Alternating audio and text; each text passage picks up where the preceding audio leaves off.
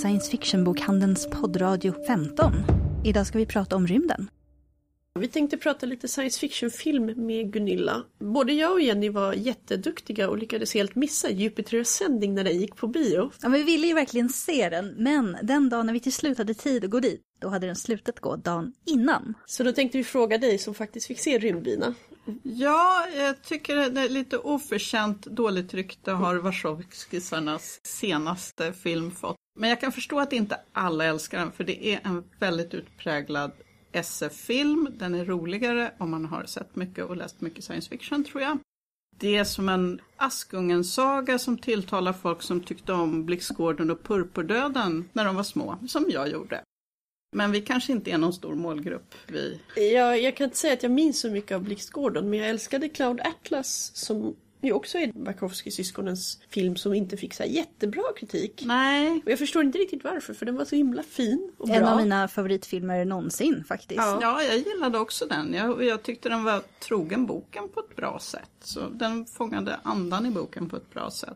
Och Jupiter Ascending är ju då en ren space opera-film får man säga. Den är mycket mer hej hopp och full fart än vad Cloud Atlas var.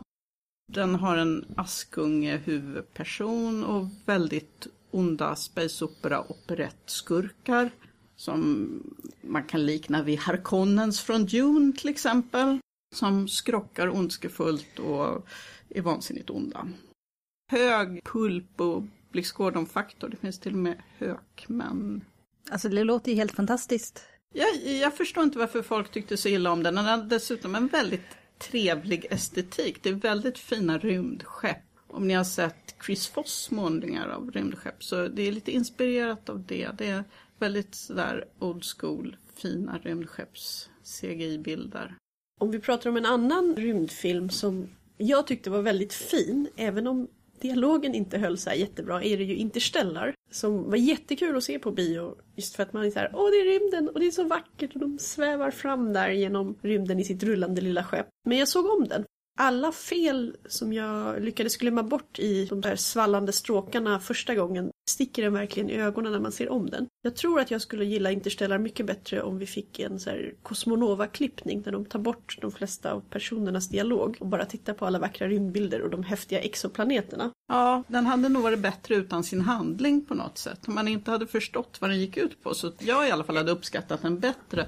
Tidsresehål och sådär, paradoxer som inte är paradoxer, det tycker jag är rätt kul. Jag kan också gilla paradoxerna och det här med att han möter sig själv så att säga. Ja men svart hål och han reser i rymden och det går säkert bra. Men jag opponerar mig lite faktiskt mot det här. Och så fick han kontakt med sina älskade genom sin kärlek och så ordnade sig allting därför. Och en väldigt religiös eh, känsla över hela upplägget. Det är inte en film man ska stöta sig på praktiska detaljer men om man har klantat till det så att hela världen, jorden har blivit obeboelig då, och, och man ändå kan göra fungerande habitat i rymden då, då skulle man lika gärna kunna göra ett fungerande habitat på jorden billigare, enklare, resurssnålare. Det är alltid dyrare att bygga i rymden. Att försöka hitta någonting på andra sidan någon sorts maskhål som någon har stuckit till en verkar också som en otroligt krånglig lösning jämfört med att försöka lösa de problem man har på jorden. Instinktivt var själva sensmoralen knepig för mig. Också, man undrar lite varför de inte börjar terraforma Mars som man ändå kunde köra i skytteltrafik så att säga.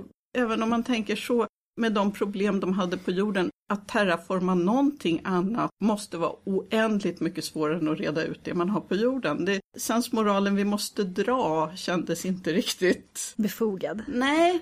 Ja, det är ju väldigt få science fiction-filmer som inte spiller lite över, åtminstone in i science fantasy. Förmodligen för att det är svårt att ha IE-sidor infodumps där man mm. förklarar återvinningsprocessen för att ha ett generationsskepp och sådär. Kommer ni på någon överhuvudtaget som har lyckats bra med det? De flesta som jag tycker liksom hårda fnutt-fnutt SF-filmer som lyckas, de bortser helt och hållet från de praktiska detaljerna och lyckas hålla dem ifrån sig som Tarkovskij Solaris eller ja, tycker... 2001. Precis, jag gillade verkligen Moon-filmen men det är ja. ju alltså det är ett psykologiskt drama med en person och hans AI och vad som händer på den här öde månbasen. Det är en massa mysterier. Och allt verkar ju funka rätt bra. Man bara, ja, det är en liten månbas och det är jobbigt att gå ut på månen, massa dräkter. Men de förklarar ju aldrig riktigt hur de, hur de byggde den och den där, hur roboten funkar utan det är bara, det finns. Den här Martian som ska bli film snart, baserad på boken av Andy Weir, den verkar ju vara lite åt det hållet däremot. Det handlar ju om en person som blir övergiven på Mars efter en eh, expedition dit och måste överleva på den teknologin som blir kvarlämnad. Jag har gott hopp om den. Det kan bli en riktigt bra rymdkänsla i den.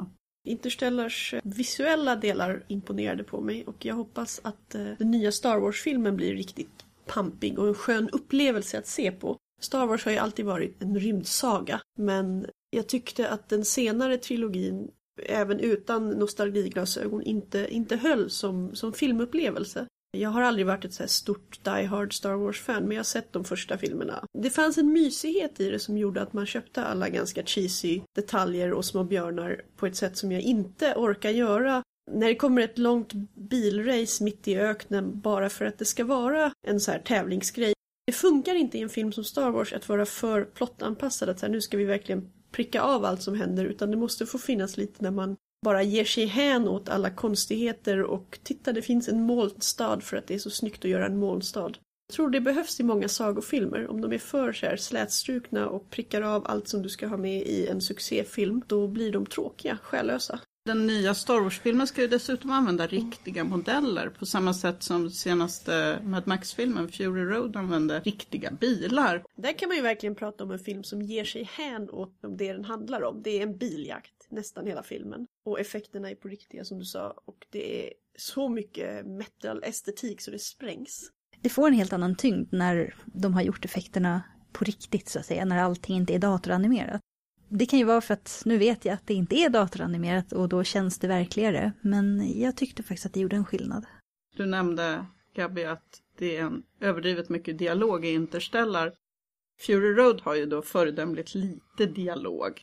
Och det tycker jag är en skön känsla som kopplar bakåt mot filmer av till exempel Sam Peckinpah och Sergio Leone. Den sortens draman i karga miljöer där folk inte pratar i onödan och där handlingar avgör hur du bedöms av omgivningen. Alltså överhuvudtaget i den media som blir storfilm och populära serier så pratas det alldeles för mycket. Alla ska tala om precis vad de tycker om allting och vad de känner i varje ögonblick och förklara precis vad som har hänt.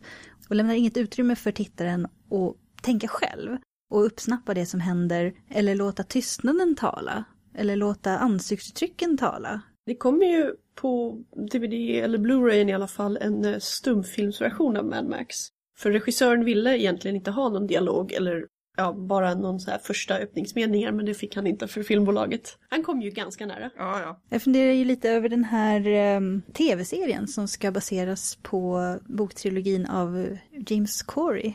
The Expanse. Som inte jag har läst, men det har du. Och som Ja. också är en riktig rymdopera. Det är riktig rymdopera, inte så karg och nihilistisk som Fury Road, utan visserligen är ju solsystemet i jättefara och miljoner kommer att dö och sådär som det ska vara i storslagen space opera. Men det är ju mer vanliga relationer, förmodligen mycket mer dialog. Och jag har sett trailern till den och det ser faktiskt riktigt lovande ut. Man känner igen alla personer från böckerna. De verkar ha hållit sig, så vitt man kan se, någorlunda nära handlingen från serien som är en riktigt rolig space opera i solsystemet. Det är alltid kul när man känner igen eh, på trailers eller på liksom promobilderna bara att det där är nog den personen. Tyvärr inte alltid fallet. Jag sörjer allt jag hört om Lucifer tv-serien eh, där han är någon slags privatdeckare. Göra den för en bredare publik kanske. Mm, De har nog tänkt med The Expanse att där är det omöjligt att rikta sig till en publik som inte gillar space opera. Det, det är ett hopplöst Jag, jag tror annars, det är ju problemet med väldigt mycket utav det som man brukar kalla, för storfilm.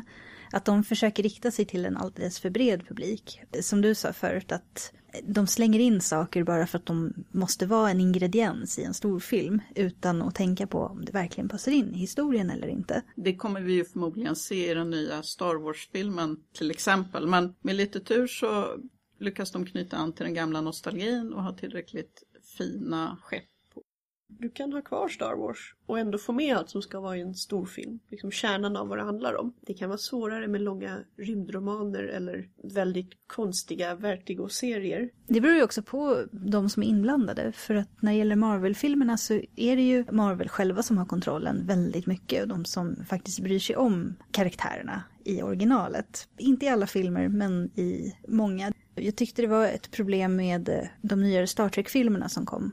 De vill vara storfilmer, actionfilmer, men de vill inte vara så mycket Star Trek. Om man tänker på gamla original Star Trek så var det en serie som gjordes för att, för att vara progressiv på väldigt många sätt och våga nya saker och, och vara lite kontroversiell. Medan de nya Star Trek-filmerna är ju väldigt konventionella. Jag retar upp en del fans. Jag retade mig, säger jag glatt, åt att eh, de sprängde Vulkan. Det hade jag svårt att svälja. Jag också. Och att de inte är, alltså Star Trek, rymdvandring om man översätter det, hajka. Varför är de fortfarande kvar i det här solsystemet så mycket? Ja. Jag är, jag är jätteför en uppfräschad Star Trek för jag tycker att redan The Next Generation och framförallt Enterprise och så var träiga och sega och behövde, det behövde liksom göras någonting med konceptet. Men det betyder inte att jag vill ha en film som består av lensflares och explosioner och folk som springer runt på jorden. Nej, och inte allt för mycket försök att knyta an till det gamla för att locka fansen heller. Att ha med Kan i den senaste, som jag ändå tyckte bättre om än den första faktiskt. För de sprängde i alla fall inte Vulkan. Den andra filmen var ju bättre än den första. Ja, det tyckte jag nog. Mm. Den var inte alls så dålig, men just att de hade Khan och skulle göra Wrath of Khan igen och det är ändå en av de bästa ursprungsfilmerna. Den funkar fortfarande ganska bra. Och de har ju inte använt den handlingen. Alltså Nej. de har ju gjort en helt annan historia i Into Darkness. Men de ska fortfarande ha den karaktären med i en liksom egentligen helt annan roll än vad han har i Wrath of Khan. Om man bortser från namnet så är han en helt annan karaktär. Ja, ja, det är han och han fungerar på ett annat sätt än vad Khan gjorde och han har större moraliska skrupler som de ändå på något sätt inte vågar dra hela vägen ut på slutet. Känns som den velar på många punkter den filmen. Mm. Vi får se hur det går med nästa. Där ska de ju ge sig ut on a five year mission. Jag tror att vi har kollat igenom de rymdfilmer och så som kommer rätt snart. Det har ju kommit lite fler på senare år. Lite rymd och lite andra planeter och lite tidsresor och grejer. Men jag hoppas att det håller i sig. Idag ska vi prata om eh, strävande science fiction då, hur man nu ska beskriva det. Jag skulle vilja säga att jag, jag tänker mig då science fiction där folk vill bygga någonting eller vill upptäcka någonting. Det är ju ganska ovanligt nu. Allting ska ju handla om dystopier. Allting ska handla om mäns människans förfall, destruktivitet. Men det finns ju ändå rätt så många böcker som handlar om människans upptäckarglädje. Jag själv tittade ju väldigt mycket på Star Trek när jag var yngre, originalserien, som handlade om hur människan har löst sina egna problem. Vi lever i en utopi och vi beger oss ut i rymden för att upptäcka. Och Star Trek utgår ju från det grundläggande i människans nyfikenhet. Eh, och jag undrar, är det en grundläggande egenskap hos människan, nyfikenheten? Nyfikenhet, ja. Det måste man faktiskt säga tycker jag. Alltså jag tänker en gång för länge sedan, eh, inte allt för länge sedan faktiskt, kanske bara något hundra år, kanske min farfars far eller någonting sånt där. Så tänkte man sig, vad kan det vara bortom storskogen, bortom horisonten kanske, om man bodde vid havet, vad kan det finnas där? Och sen så vågade sig människan vidare ut, eller man gick på upptäcktsfärd, eller man av andra anledningar tog man sig förbi storskogen, tog sig bort till horisonten och så hittade man kanske en annan kontinent. Och då kunde man drömma om vad finns det på den kontinenten? Vad kan det vara för märkligheter där? Och sen utforskade vi hela jordklotet. Vi fick slut på kontinenter. Äh, men då fanns ju stjärnhimlen, solsystemet. Så upptäckte man planeter och drömde om att åka raket dit eh, det är inte så länge sedan ändå, i början på 1900-talet science fiction-litteraturen. Och sen när väl solsystemet var avklarat, då hade vetenskapen och teleskopen blivit så stora, tänker jag mig, att man då plötsligt upptäckte, herregud, det finns ju stjärnor, det finns galaxer, det finns universum är hur stort som helst. Och det är väl där vi är nu tänker jag. Att nu är vi, spekulerar vi kring det och drömmer, somliga av oss drömmer i alla fall om att Ja, vi har ju det, ständiga problemet eh, om hur lång tid det tar att färdas så långt. Mm. Kommer vi kunna upptäcka något sätt att färdas snabbare än ljuset? Det är väl det största problemet inom eh, science fiction och om man går med på att det skulle kunna funka eller om man inte gör det. Ja, det, det är tyvärr det är deprimerande för det verkar så förbaskat svårt. Det där. Men det finns ju rätt mycket science fiction också som, trots att det inte finns ett sätt att färdas snabbare än ljuset, så, så koloniserar man lite närmare, upptäcker planeter som man kan färdas till. Eller till månen till exempel, som du själv Mm. har skrivit böcker om. Mm, mm. Det måste man väl säga att dina böcker handlar mycket om upptäcka och de är väl positiva, det är ju inte en dystopi, det är det inte. Ja, nej det är det ju inte. Alltså, I mina böcker om Linux så vill jag... Det är, det är så, sådan jag själv är, inbillar jag mig. Jag är lättare att vara, att vara den där som... Det går, det funkar, det finns alltid... Det, det fixar sig, fast jag inte riktigt har klart för mig hur. Hellre, hellre så än se svårigheterna så kanske lite mer realistiskt och bättre, jag vet inte. Men, men i böckerna, ja, som en reaktion lite mot all dystopisk science fiction, alltså hungerspel etc. Inget, alltså, jag, tycker hungerspel är jättebra, inget fel på det så, men det är väldigt mycket dyster framtid och jag tänker att allt behöver kanske inte nödvändigtvis gå åt helvete. Eh, det kan väl gå åt helvete bara lite, för det, det, det har ju gjort i, i Linux-böcker. Det, det är ju lite varmare på jorden, det regnar lite mer, I vatten har stigit och så vidare. Det finns, men vi kanske klarade två eller tre grader över normal temperatur så att civilisationen består i alla fall. Det, den visionen eller den tanken vill jag ta med mig i böckerna, inte, inte som något sorts moraliskt uppbyggligt utan bara för att det blev roligare så. Ja, det har ju varit en enorm våg med den här dystopin där, ja, där allting har gått käpprätt åt helvete, Mm. så att säga. Även om ofta i slutet på de böckerna är ganska så positiva. Ibland hör man att, att det där att hungerspelen, Divergent etc. är det ett tecken på, på i vår tid, zeitgeist, speciellt unga människor har gett upp hoppet om framtiden. Det är bara mörker, bla bla bla. Jag tror inte riktigt på det där. Eh, jag har väl överhuvudtaget svårt för mer sådana här sociologiska, psykologiska tolkningar. Vad som det handlar om, tycker jag mest, det, det, det är ju spännande miljö. Allting har gått åt skogen. Det, det, då kan man ju börja om på nytt och skapa spänning, dramatik, en mot alla, en mot hela systemet eh, och speciellt ungdomar. Det är ju spänningseffekt mycket där, tror jag. Ja, kan det vara så att det är kanske lättare att bygga upp den spänningen i en värld som är mörk och hemsk än att bygga spänning i en värld där allting är ganska bra? Ja, visst är det det. Herregud vad tråkigt. Och... Den här boken tilldrar sig i Utopia. Det hände ingenting, ingen förändring. Tjoho vad spännande, inte alls. Men det går ju att göra om man, om man vet vad man sysslar med. Ja, men det är få som klarar det. Mm. Vi har ju en, eh, jag vet inte om han inspirerade dig, men eh, Kim Stanley Robinsons eh, Ja. Mars-trilogi. Mm. Den handlar ju om att kolonisera Mars eller terraforma Mars. Men den är inte alltid så himla positiv för det. Nej, alltså Kim Stan-Robinson är ju utmärkt på det sättet att han, han är ju tekniktroende. Han, han tror ju på att tekniken kan förändra världen och, och människan. Men han, är- han är inte sån där som, som eh, eh religiös tekniktroende om du förstår vad jag menar, eller hur? Utan han är ju mer, han ser ju problem och svårigheter. Han tar ju upp att ter- göra marsch, han tar ju upp alltså moral, den moraliska, vad säger man, implikationen i att det ligger en orörd värld. Är det verkligen människans rätt? Får vi, ska, är det verkligen helt riktigt moraliskt att ge sig dit och förändra hela denna värld? Det kanske inte alls så att vi skulle få göra det egentligen. Den diskussionen för han ju hela tiden där till exempel. Teknologin har ju ofta en baksida. Ja. Nu om den kommer sig av att det är människan som korrumperar teknologin eller vad man ska kalla det för. Kanske korrumpera är ett för starkt ord. Men det är ändå människan som styr. Än så länge. Precis, det, och det här är ju det är en jätteintressant fråga och så är det ju. Jag menar teknologin i vetenskapen den går i 1000 kilometer i sekunder framåt. Vår moral ligger ju långt efter. När allt kommer omkring så länge har människan funnits här, är inte särskilt länge på jorden. Och bara nu på hundra år så har vi förändrat allt med hjälp av teknologi som, som in- dessförinnan var, var precis likadant. Ont och gott, goda intentioner, ja. Vetenskap uppfinner, skapar för att förbättra våra villkor. Men det, det finns ju nästan alltid en mörk sida. Det räcker med att titta på atombomben till exempel. Som, eller atomkraften som skulle vara i grunden positivt. Men den hade ju den här lilla sidoeffekten att det går att göra en bomb också. Alltså det, det är ju väldigt viktigt hur samhället utvecklas. Inte bara när det gäller teknologin då, utan hur människor ser på varandra och vad vi har för slags politik i samhället Ja. och hur vi behandlar varandra. Ja. Det är någonting som mer sällan tas upp i de här dystopierna, annat än på ett väldigt eh, ytligt plan. Just det här att det är en ond regering som måste störtas. Men eh, samhälleliga reformer på ett större plan eller någonting som var vanligt i tidigare science fiction. Jag har precis läst eh, Joanna Russ, En gång ska vi alla. Mhm. Det, det är ju en kritik emot det samhället som boken, under i den perioden som boken skrevs. Inte direkt av samhället som hon har byggt upp i boken, utan det, det är ju USA på 70-talet. Mm. Precis. dystopiska romaner nu för tiden. Oftast är det bara en, en, en, en scenbild. Samhället har gått åt skogen, allting är ett elände. Det, det är sällan, det, det kanske finns någon liten, liten, liten referens att det kommer ett virus, det kommer någonting, bla bla bla, och så gick allt åt det, det, det, Sen släpper man det och så blir det bara äventyret.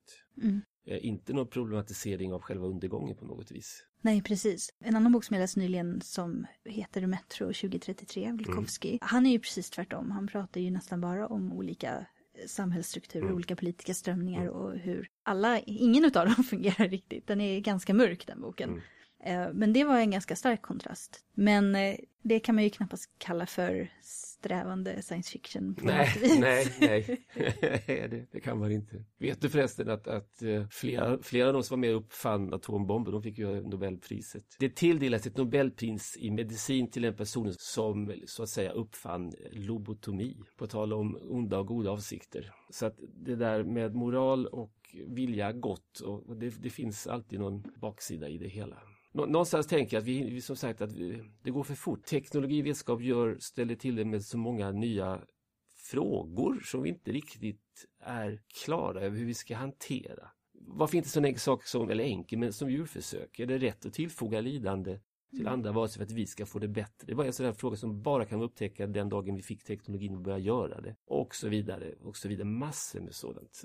Och där är ju någonting som jag tycker science fiction, bra science fiction kan vara riktigt den enda litteraturen, konstformen som tar upp de frågorna och vågar spekulera och dra ut konsekvenser. Ja, för det är ju en tänkt framtid, ja. Eh, science fiction.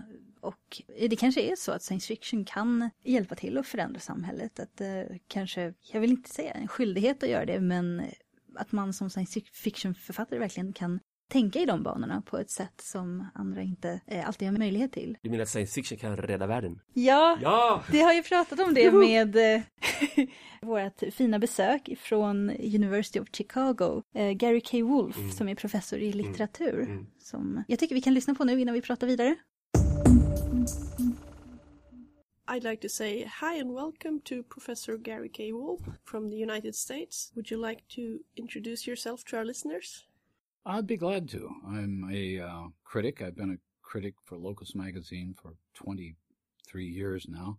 I've taught science fiction courses. I've written essays and books about science fiction, edited collections of American science fiction novels of the 1950s, another one we expect to have next year of the 1960s, and have been involved in the scholarly side of science fiction and the professional critical fan side a little bit for a long time and you will have a discussion about science fiction and especially the aspirational science fiction with our own SF master, Mats.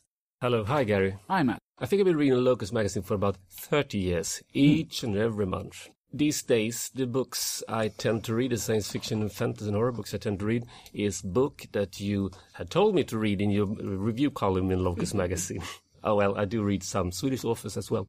To cut a long story short, I would like to talk about a subject called something like Why is so gloomy? Mm. Inside the science fiction genre tends to be extremely dystopian these days, been for quite a long time. Is it possible to write about the future in an optimistic way? It's possible. The question is, is it interesting? And I think some writers are doing that. I think Kim Stanley Robinson for example, has written his California trilogy, has three versions of the future of California. One is more or less utopian, one is more or less dystopian. His novel 2312 is in some ways a kind of technological utopia.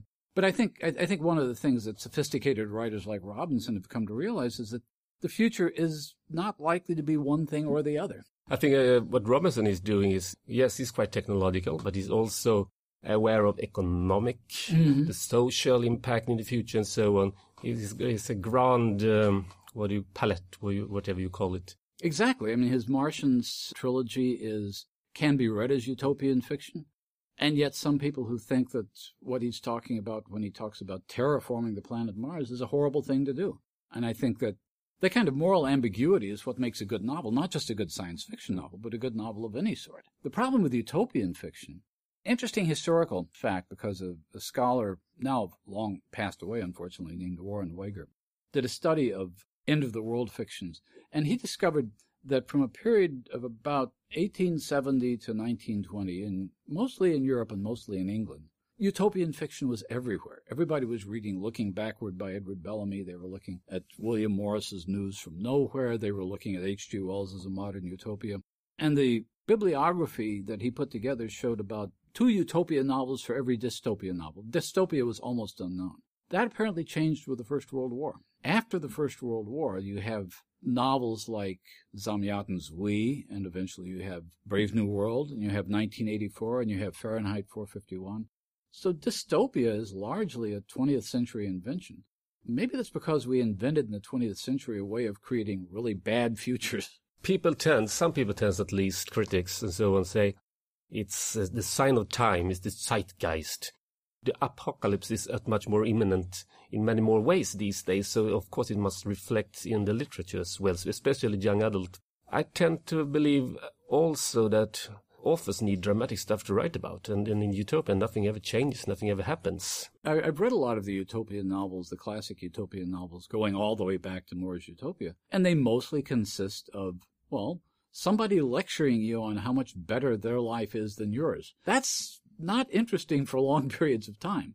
I think another thing that goes on with dystopian fiction, especially when you realize how much damage technology can do, when we first realized that during the First World War, and we really took it seriously after the potential of nuclear war arose in 1945. But at the same time, that was a way of recreating a frontier. Talk about young adult literature. A lot of it dealt with, with the West, with, with pioneer literature, with one of the most popular books. I don't know if they're well known at all in England, but one of the most popular series of children's books in the States was a series of books by Laura Ingalls Wilder called The Little House on the Prairie. And they were about going out and building a life for yourself in a wilderness. And modern urban kids can't do that unless you create a wilderness for them by simply destroying everything they know. You mentioned earlier quite a new anthology by edited by Neil Stephenson called You Better Pronounce It For Me. Hieroglyph. Hieroglyph. It's actually edited by Kathryn Kramer and Edward Finn, but the yeah, project, that's correct. The, pro- the project was a project that Neil Stephenson, together with, I believe, the president of Arizona State University, put together. Neil had written an article in, I think, in my a journal called the World Policy Review. The point of his argument was that when he was growing up, you'd read the Robert A. Heinlein juveniles. And the Robert A. Heinlein juveniles would start with building a spaceship more or less in your backyard and taking that idea all the way through to establishing moon colonies. In other words, you actually believed that you could go to the moon because you read about it in science fiction. Stevenson's argument in uh, in this article, whose title I will remember eventually, was that science fiction doesn't do that anymore. The the people who created the Apollo program, the people who created the internet, started out reading science fiction and thinking, I can do that. I can build something. And his argument was that science fiction doesn't offer you that kind of aspiration anymore. No. So he wanted the kind of science fiction where a young student or graduate student or beginning scientist could look at this project and think, I can build that, maybe not now, but maybe by the end of my career. That raises two interesting questions. I get a feeling after reading these short stories, it seems to me like the person to, to save the world is the entrepreneur the Elon Musk of the world or something like that. A very much Heinlein hero type, hard scientist but with a social heart or something like that. I think that's I think that's re-emerging. I think one of the things that made Heinlein so appealing was the notion that some entrepreneur, some private enterprise would create a moon rocket, and even in his, the film that was based on on that Heinlein was involved in called Destination Moon. The moonshot was a private enterprise. The idea that some brilliant scientist or inventor could do this was very appealing. And then at some point when we realized when it actually happened, it was a huge, gov- there were government organizations, there were bureaucracies, the idea of the individual entrepreneur seemed to more or less disappear from science fiction. And now I think you're right. I think it's back. I think in, in Neal Stephenson's new novel, Seven Eves, for example, there's a character who's pretty clearly a version of Elon Musk. Doesn't help save the world because the world gets destroyed completely in the novel, but, but he helps save the colony that's of survivors. So, I, so I think that's true. I think the idea that an individual can make a difference is an idea that disappeared from science fiction for a few decades and that some people are bringing back. And not just Neil Stevenson, Cory Doctorow's story in that collection is The Man Who Sold the Moon starts out with a Burning Man kind of project. Somebody builds a, a solar powered 3D printer which can, on its own, left out in the desert, convert the desert sand into tiles And then eventually, over the period of decades, that becomes an important technology for building moon settlements. That's a classic science fiction idea. And the fact that Dr. O stole his title from a Robert Heinlein story, The Man Who Sold the Moon, says to me that Dr. Is, is trying to bring back that idea as well. Can I just cut in and uh, wonder what you think about that people are actually building small rockets? There's a lot of private rocket inventors, there are competitions, uh, and the 3D printing is real, and we're catching up with the science fiction. Has that influenced what we write about, what we dream about for the future? I think it does. That's a good question. First of all, reality catching up with science fiction has plagued science fiction since about 1920, I think. So that's that's that's not a new concern. What science fiction has always been good at, though, is not simply inventing a new technology, but asking three or four. The the, the great writer Theodore Sturgeon had this symbol uh, that he wore around his neck, a circle with an arrow pointing to the left, which meant ask the next question. And his point was what a science fiction writer does is not just think up a new invention, but think up how that could be applied over a period of decades, maybe. So that a 3D printer, yeah, 3D printers are here now, but a 3D printer automatically building tiles out of moon dust so we could have colonies on the moon, that's something a science fiction writer would think of.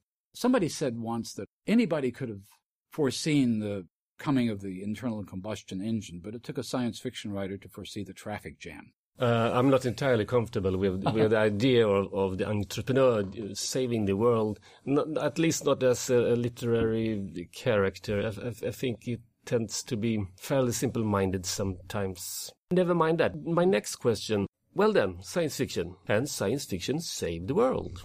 That's the question raised by Neil Stevenson in a way, I think. And of course, the answer is no, but maybe through imagination, as, as imagine the traffic jam, the, consequences of the technological invention and so on. Maybe science fiction can have uh, something to tell us. There are different ways of saving the world, and you mentioned earlier the popularity of dystopian fiction.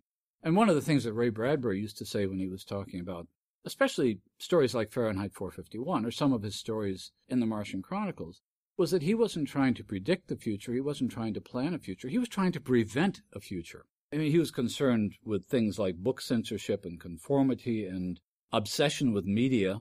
Obviously, there there are things in Fahrenheit 451 that look very much like people, you know, glued to their iPhones today. He thought it was one of the ways of saving the world is to avoid making all these mistakes.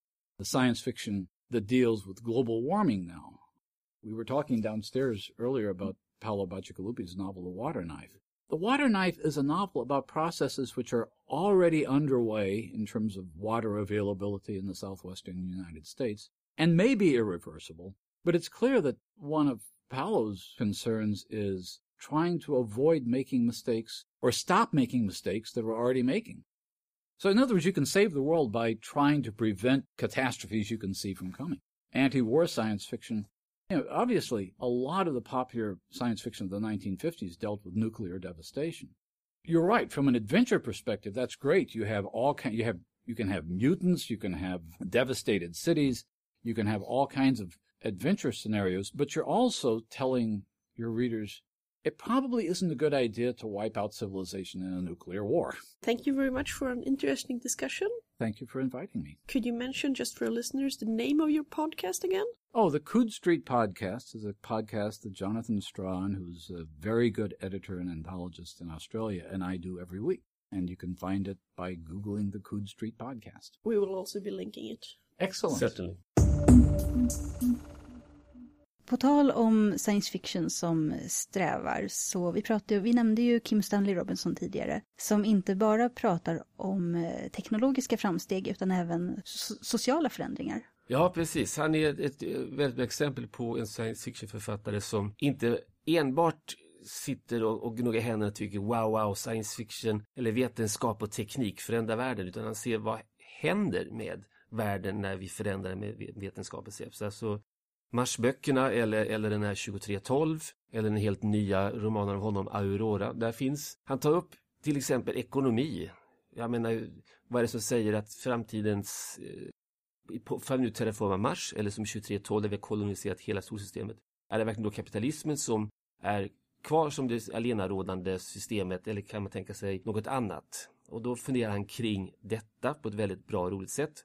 Kapitalismen finns för övrigt kvar men, men i små olika hörn i solsystemet där den, där den får vara i fred och där, där den fungerar. Men i stora hela är det ett annat system. Religion, samma sak tar han upp. Vad blir religionens roll i det hela? Eller vad är det, det här med, med standardklichén som jag ibland tänker science fiction-författare kan åstadkomma otroliga framtidsvisioner. Men tvåsamheten, den är alltid likadan. Det har jag nämnt en annan gång här i podden. Kim Stanley Robinson, han, han vågar sig på att tänka genderbender så det skriker om med hjälp av teknologi och fixa till det. Alltså, det finns en fantastisk fin liten kärlekshistoria där 2312 mellan, hon är väl från Merkur, uppvuxen på Merkurius och blir kär i en snubbe, är det väl typ svårt att säga, som har vuxit upp på Uranus och han är uppvuxen med en annan gravitation än hon på Merkurius. Det skiljer lite i storlek om man säger så. Och överhuvudtaget mindset, allt det där. Men med hjälp av teknologi så går det att fixa till sådant.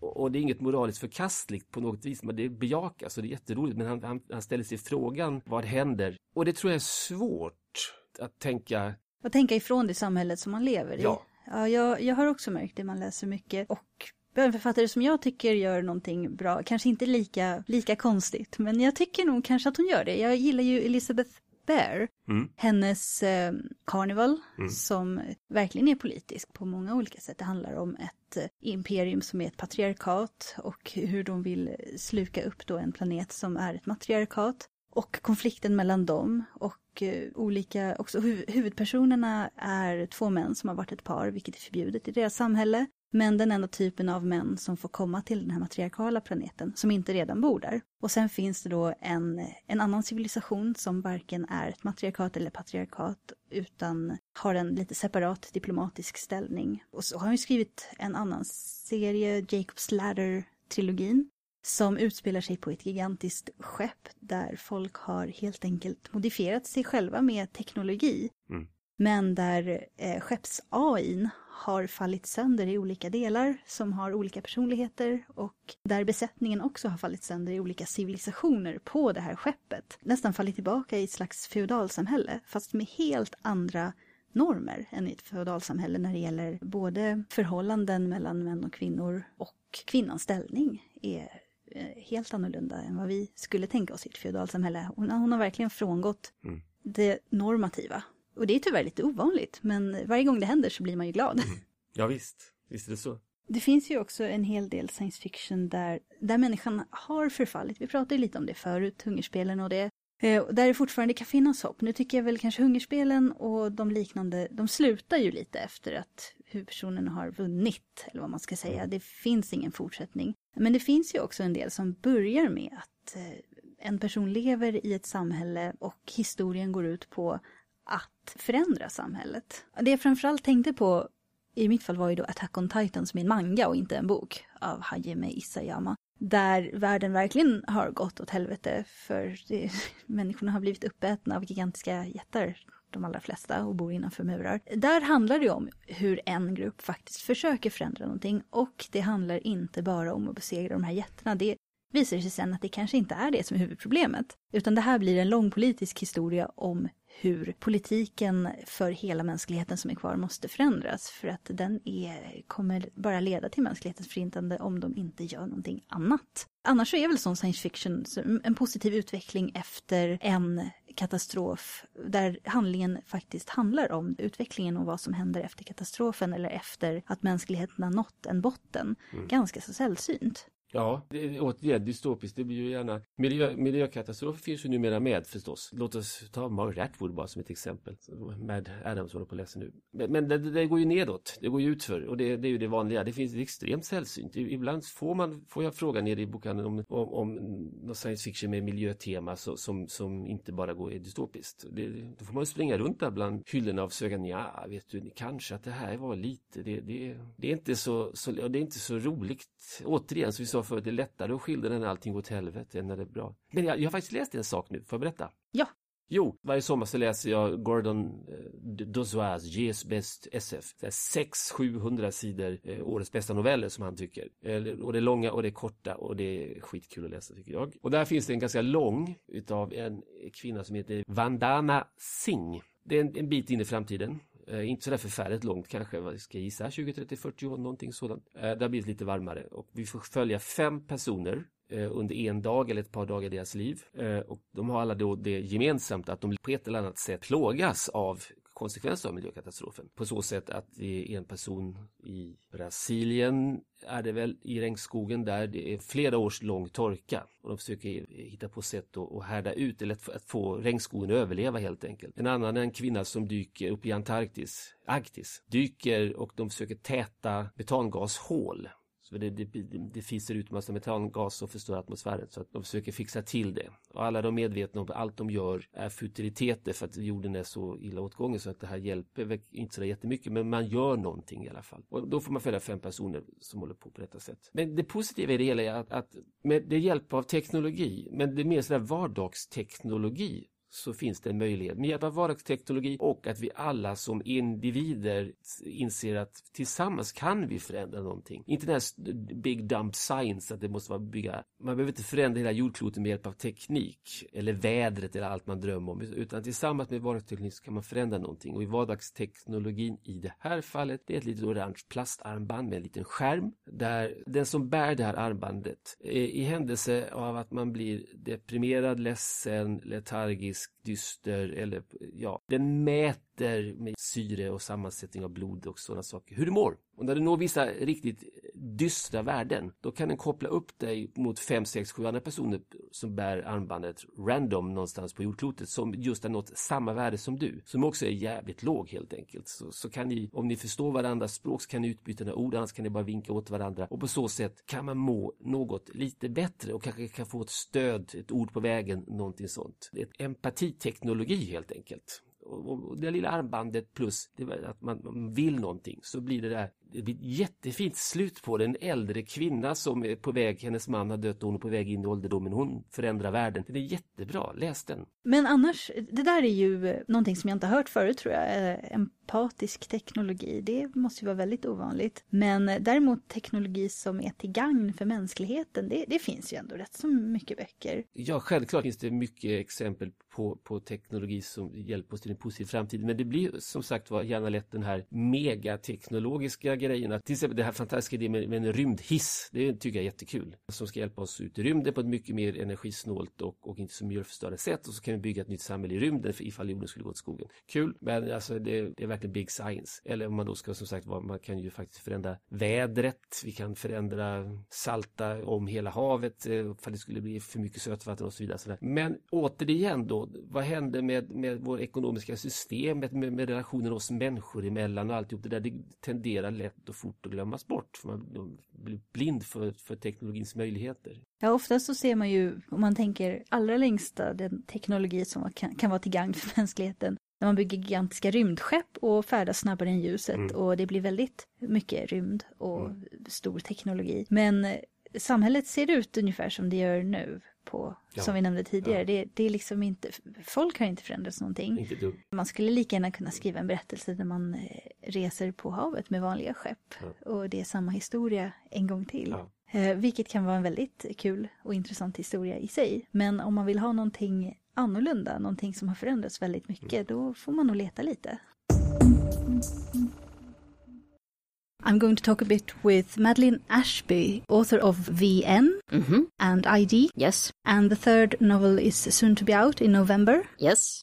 Could you tell us a bit about the books? What are they about? Well, first, thank you for having me. The Machine Dynasty series are about self replicating humanoid robots and their sort of inter family dramas. Because when you replicate yourself over and over again, you really start to get into gothic family drama really quickly. And the first book is told from the perspective of Amy, who's a little girl robot who is being raised by her robot mother and her human adoptive father. And at kindergarten graduation, her robot grandmother, who looks just like an older version of her, shows up and is very abusive to her mom. And little Amy runs up on stage and eats her grandmother alive. That was a terrific scene. Thank you. Thank you. It's a favorite. Normally, when I tell people that, they're like, she eats her alive, and I say, and that's the prologue. And the rest of it is a big long chase novel as she sort of runs from the consequences and tries to figure out the consequences of having done that. Because thereafter, Amy is holding her evil, psychotic, human hating, incredibly violent grandmother in her mind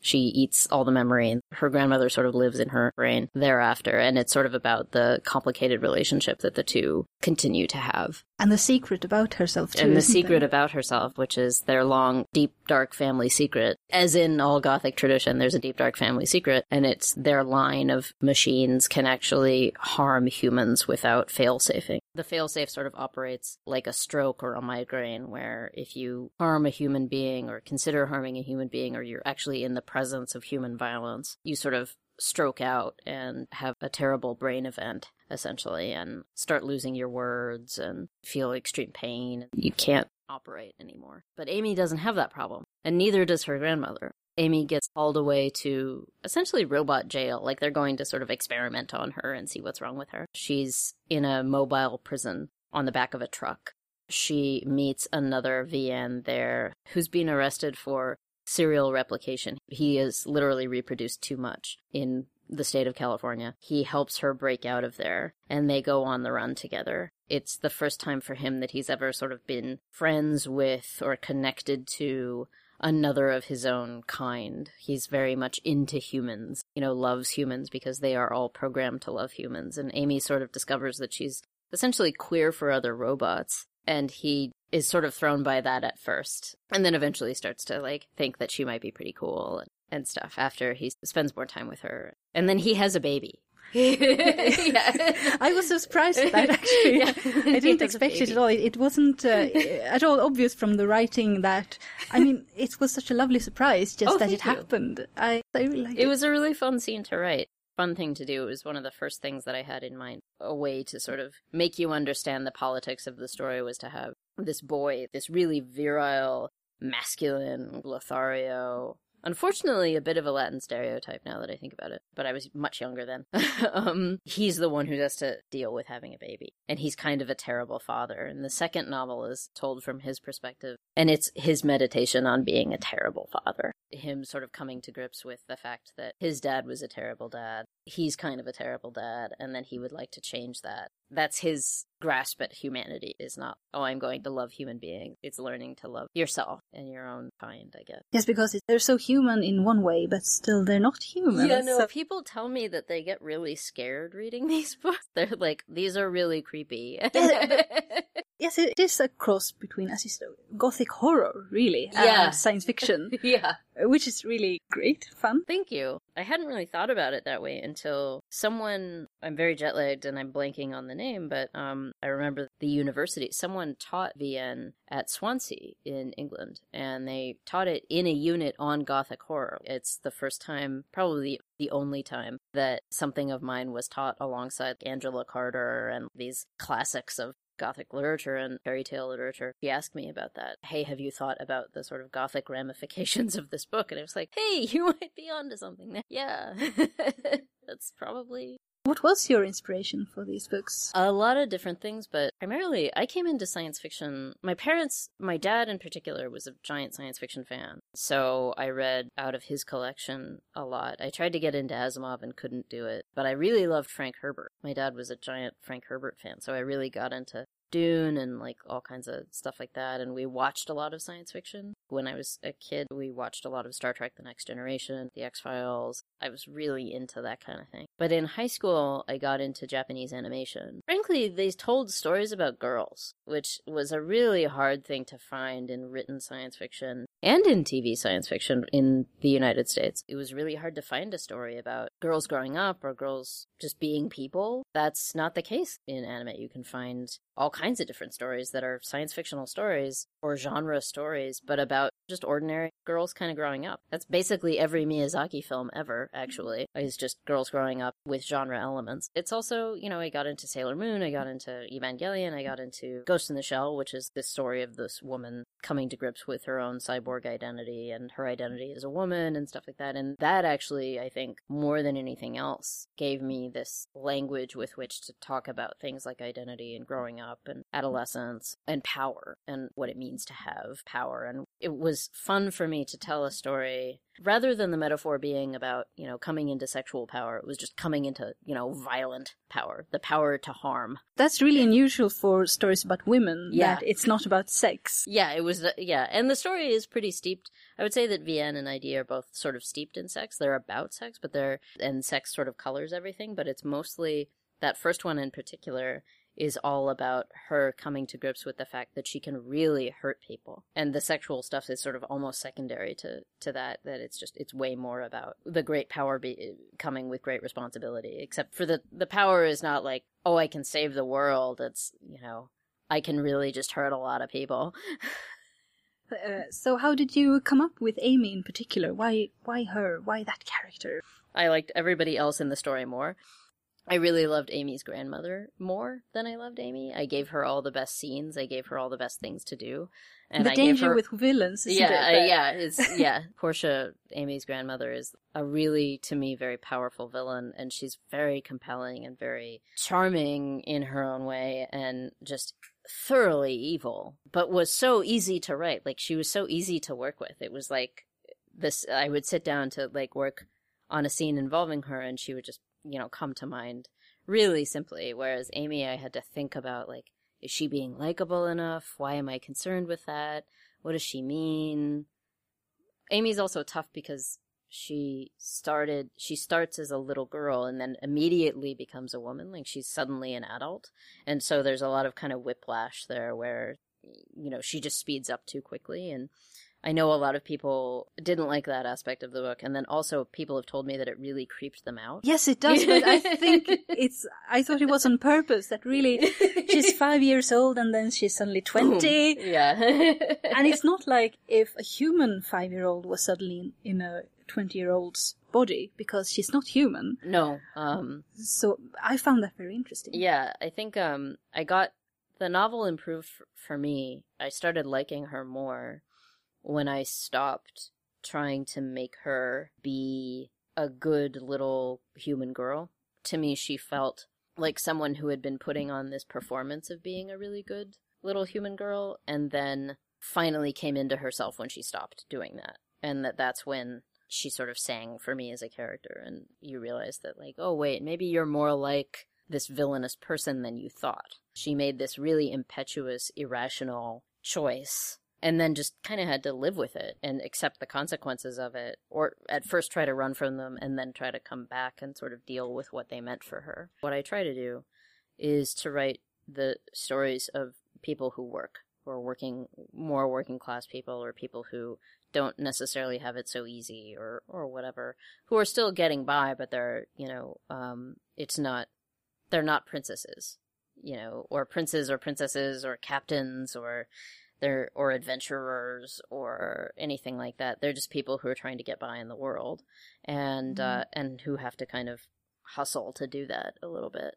Um so for a lot of people that comes across as very gritty or dark or dystopian or pessimistic um, because I think there's a glut of stories about people who have it really easy, who go on interesting adventures, rather than people who have it kind of difficult and have to do the adventure anyway, on top of everything else that they have to do. Yeah, I agree. It's uh, especially in fantasy. I think mm, the story is all about the kings and queens and the noblemen and the people who become noblemen. yes, yeah. But I don't think it's actually dark No, in, in and no, of itself. no. Just a different take on it. No, it's it's okay to admit that things are hard. It's okay it's okay to say that. And and I think that that's actually more I think that there's there was a study released recently about like the statistics on people who um commit suicide and it's it's more prevalent in people who had whose fortunes changed but who had a huge expectation of success and didn't meet it. Um, so that expectation of everything going fine or everything, you know, doing well, you know, or everything, or being lucky or whatever, and then when you don't meet that, if y- you can really, it can really send you into this terrible spiral. And so I think it's like ultimately healthier to sort of just admit, like, you know, things are are just tough sometimes and and that and that you don't have to like it you don't have to feel happy about things being difficult there's no there's no you have no moral obligation to be happy about that. sort of uh, like you write the science fiction version of the working class literature. yeah. I like it. Uh, how far into the future uh, are your books set? Uh oh, that's tough. I try to avoid that question. Um cuz I I try to populate um I try not to think of a year. I try to populate um my books with things that I have read about that are being worked on in like university labs like right now. Um but I also understand that um we live in a world that is populated by both old and new inventions and old and new technologies. The the the microphone that I'm talking into hasn't substantively changed in you know 20 years, probably longer. Um, and and other things um, haven't really.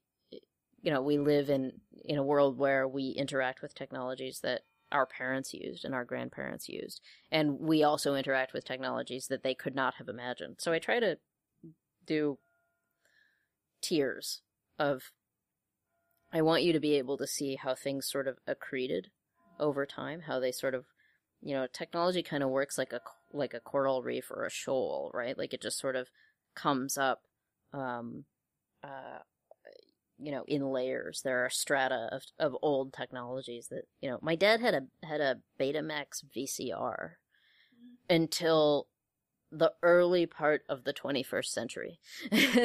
like he, and still knew and it still worked and stuff like he still knew how to use it he would still use it for like editing and stuff like that so it's it's really um um silly to assume that all technologies all happen all on the same timeline Third book in the series is it the last one? Is it Yes, the trilogy? yeah. Do you have any plans for what to do after that? i have a book coming out from tor uh, next april uh called um uh so sooner actually than uh, uh than this uh called um uh or yeah no actually that's later um called company town and it's a novel about um it's a novel about a bodyguard for the united sex workers of canada who is living on a in a city that is on a floating oil rig and or a city that floats around an, an oil rig and she a new company buys the city and she gets asked to be the um, the bodyguard for the heir apparent of the company who who appears to be receiving death threats from the future Oh, that sounds exciting. so we'll be looking out for that too. yes thank you Thank you so much for coming. thanks for having me Så har ju jag pratat med andra som brädspel i rymden och om man då själv vill prova på att kolonisera lite så finns det möjlighet. Eh, alternativt före krig i rymden som vi också kommer prata om. We've been talking about aspirational science fiction, uh, exploration and curiosity. Do you have something, is that possible in games even? Absolutely. Games are very diverse in themes, and of course, um, the best games are games that incorporate a theme into their actual mechanics. And if we're talking about like exploration and you know the, the kind of wonders and vastness of space, I could think of a game that just recently came out by name of Emergence Event. It's a game for two to four players, and it's from Megacon Games. Uh, in, in in the game, you'll be playing as the admiral of a specific type of alien race, who, and every one of you has the same goal and point of the game, which is you want to explore this new regions of space. Your your, your society has built these uh, spaceships and armadas to be able to go out and try to explore things. You're not trying to really fight or kill one another. You want to try to explore the world around you and the universe around you and find new planets, new cultures, and find out, re- re- record informations about them. And you know, you you will be mechanically you'll be you know leveling up your ship based on what kind of different new tech that you might gain and new information that you're gaining from out in the reaches of space. A bit like Star Trek, the original series. Yeah, a bit like it, absolutely. I mean, it has that same kind of idea and theme, but um, Except you improve your ship while you're traveling. more like your abilities and things like that. It's a fascinating game because it's almost like a role playing game, board game. You're you're playing this this species, and you know you have this kind of thing that you're particularly good at, and you want to try to like build it up and maybe play it out as you kind of want to, and you have a lot of different choices, and that that depends also on what you're what you're encountering throughout the game, and what different sectors of space you're exploring, and what different you know races or creatures or planets or other things you might run into. And sometimes you make have to make some tough choices as well. That sounds really fun. Yeah, uh, it's a really, really great surprise little game that I don't think has gotten enough buzz yet, but uh, in time, in time. And you have another new game that Uh, that you also recommend? Well, uh, if we're talking about exploration of space, a thought always comes about, which is you know the the, the I know I was first introduced to with Ray, with uh, Ray Bradbury's Martian Chronicles, the idea of colonizing a planet and how that was going to go about. Now, and Martian Chronicles has a fairly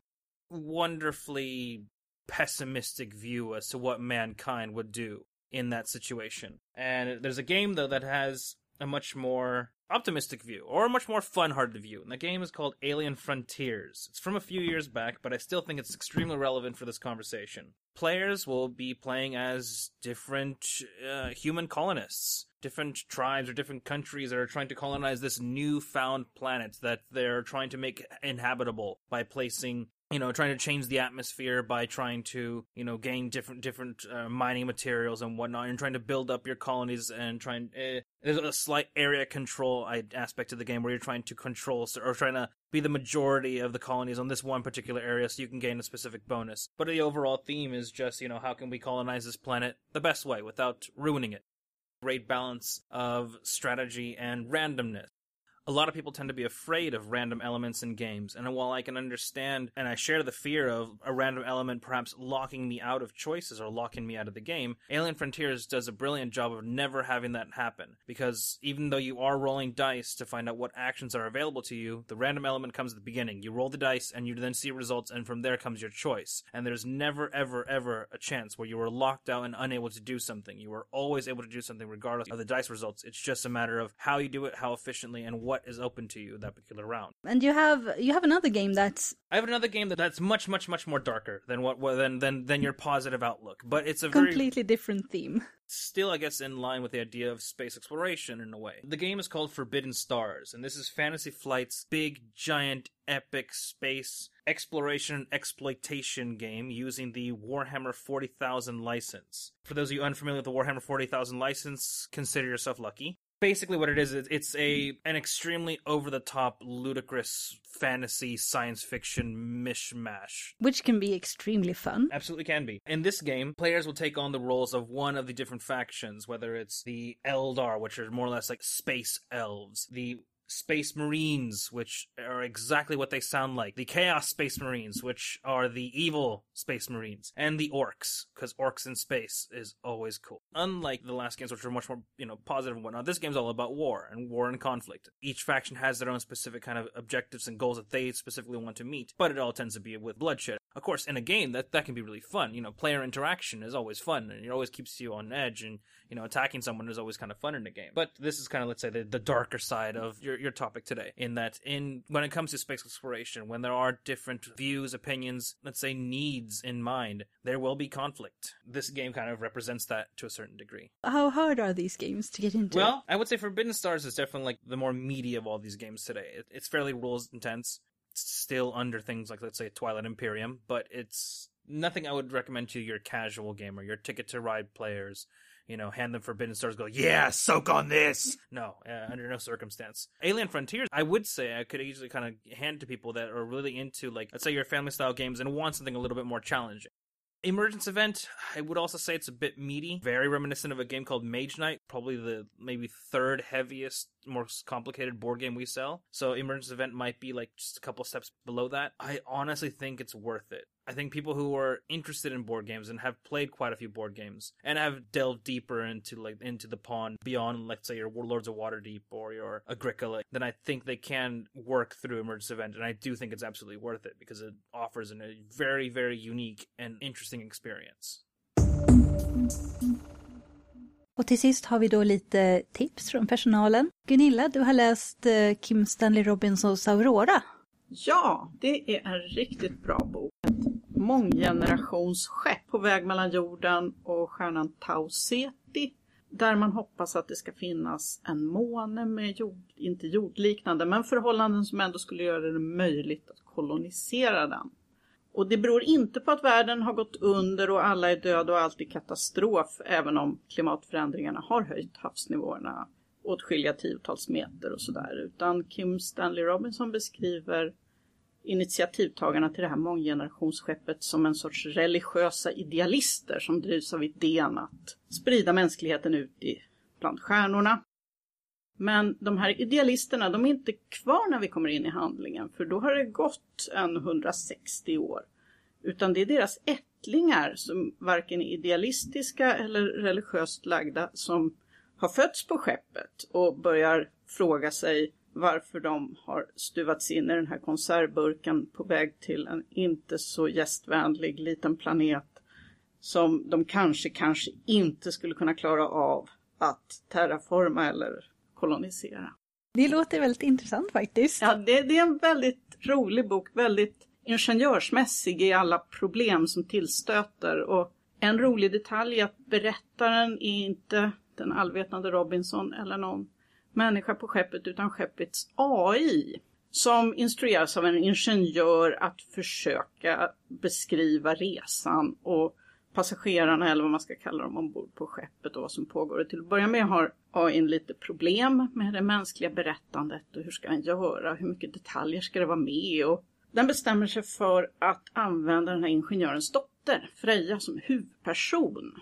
Och väva en historia utifrån det. Och så får vi veta vad som händer när skeppet kommer fram till Tau Ceti och när det eh, helt logiskt utbryter en del meningsskiljaktigheter om hur ska man göra och hur ska man hantera problem som uppstår. En väldigt bra SF-roman som problematiserar idén med att sträva och sträva för strävandets egen skull. Och idén om är det så klokt att dra iväg väldigt långt ut bland stjärnorna.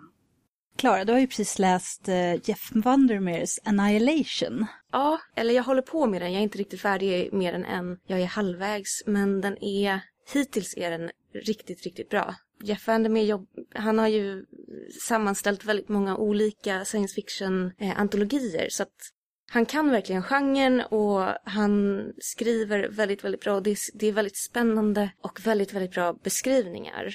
Den kan jag rekommendera. Vad handlar den om? Det berättas utifrån den här klassiska, man läser en rapport skriven av en människa som är på ett nytt ställe och utforskar. I det här fallet så är det en biolog och hon är med i en, eh, en grupp som är på en eh, expedition till område X.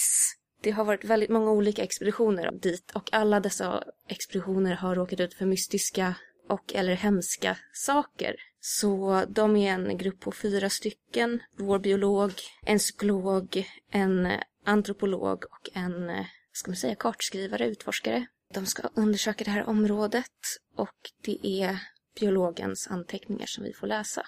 Ja, det låter spännande. Det är väldigt spännande. Det är väldigt bra beskrivningar. Det är skrivet utifrån en biologs perspektiv så det har väldigt många naturbeskrivningar, väldigt många om hur allting funkar med de olika miljöerna. Jag vill inte säga för mycket eftersom jag tycker den är väldigt bra men hennes perspektiv är väldigt spännande och samspelet med de andra i expeditionen är också väldigt intressant. Unni, du har ju läst Miss Marvel. Ja, jag har börjat läsa nyligen faktiskt. Och vad handlar den om? Det är ju en ung tjej som gillar Miss Marvel och Captain America och liksom Avengers, X-Men, alla superhjältar tycker hon ju om. Så hon är en liten nörd. Och sen så blir hon en sån själv. Och det är lite roligt och det är vad den handlar om. Ah, Helt enkelt. jag har hört att den knyter ihop också lite med andra, superhjälte, andra superhjältar. Att den, Ja, det gör den. Hon träffar ju på några superhjältar också. Så att man känner igen när man läser. Eh, hennes föräldrar är ju från Turkiet. Eh, så hon är ju muslimsk också. Eh, så att hon försöker ju komma ut ur sin comfort zone som muslim och känna sig bekväm i sin religion. Och nu är hon även en superhjälte och hon vet inte riktigt hur hon ska hantera båda sakerna samtidigt. Och tonåring. Alltså det är alla problem på en gång. Ja, så att det är en spännande ny Marvel-serie. Och det var allt för den här gången. Nästa gång ska vi prata om London. Och kommer även ha en intervju med författaren Ben Aronovich.